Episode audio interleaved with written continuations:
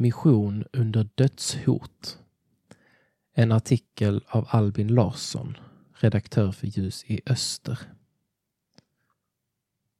Dödshoten och mordet på ledaren Artur Suleimanov gjorde missionären Alexei och hans kristna vänner försiktiga.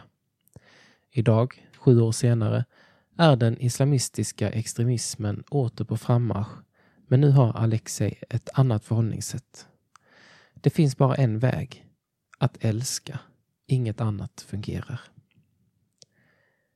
2010 liknade Dagestan en krigszon med terrorattentat och dödsskjutningar i princip varje vecka.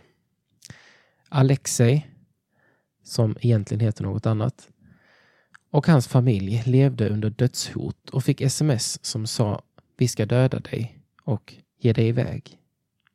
Då och då kom polisen hem till dem och berättade att de hade information om att religiösa människor kommer att spränga huset eller döda familjen. Det här var väldigt stressande för mig och hela familjen. Vi hade alltid persiennerna neddragna eftersom många terrorister pricksköt människor i deras hem, berättar tvåbarnspappan Alexei som är en av Ljus i Östers nationella missionärer. En av områdets tidningar rapporterade att 180 ledare från olika delar av samhället mördades under det året. En av dem var pastor Artur Sulejmanov. En befriande insikt.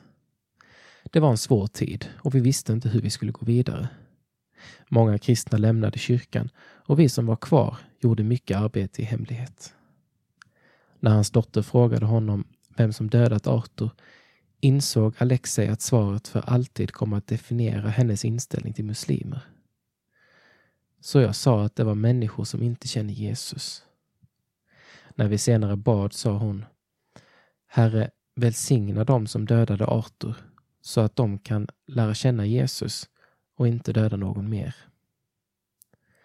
Under några år arbetade sedan församlingsrörelsen med stor försiktighet tills de en dag fick en insikt som kom att förändra deras inställning helt. Vi förstod att det är ett privilegium att dö för Jesus, att det är en del av det kristna livet. Det frigjorde oss från rädslan. Annat sätt att missionera. Sedan dess har mycket förändrats i församlingsrörelsens arbetssätt. Istället för att sitta i kyrkan och be för muslimerna går de nu ut på gatorna och möter dem. Istället för en lång predikan ger de ett kort vittnesbörd och erbjuder förbön.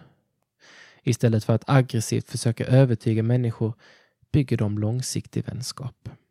Men den största skillnaden kanske ändå är att de nu verkligen försöker älska sina muslimska grannar och vänner.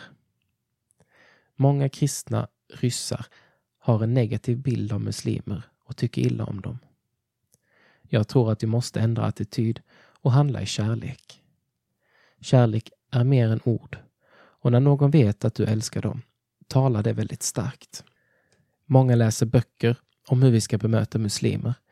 Men om du har all kunskap och inte älskar dem hjälper det ingenting. Det omöjliga blir möjligt. Gud har öppnat vägar in i muslimska gemenskaper som Alexei inte hade kunnat drömma om. När den största moskén i staden skulle börja ett hjälparbete för fattiga kontaktade de Alexei för råd. Idag får han regelbundet tala med det muslimska ledarskapet och genom kontakterna han fått i moskén har många kommit till tro på Jesus. Alexeis två främsta tips i kommunikationen med muslimer är att tänka på språket och att låta sig ledas av den heliga Ande. Istället för kristna ord använder jag muslimska termer som Isa och Allah och Ibrahim. Sen försöker jag lyssna på den heliga Ande. Det går inte att ha en färdig formel. Det är olika varje gång.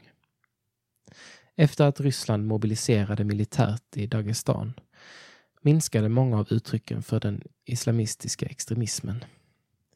Men nu ser Alexei hur den återigen lockar till sig anhängare, främst bland unga.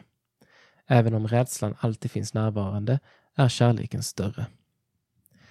Jag ser mig som en boxare i ett ringhörn. Jag har inga alternativ. Det finns bara en väg. Att älska.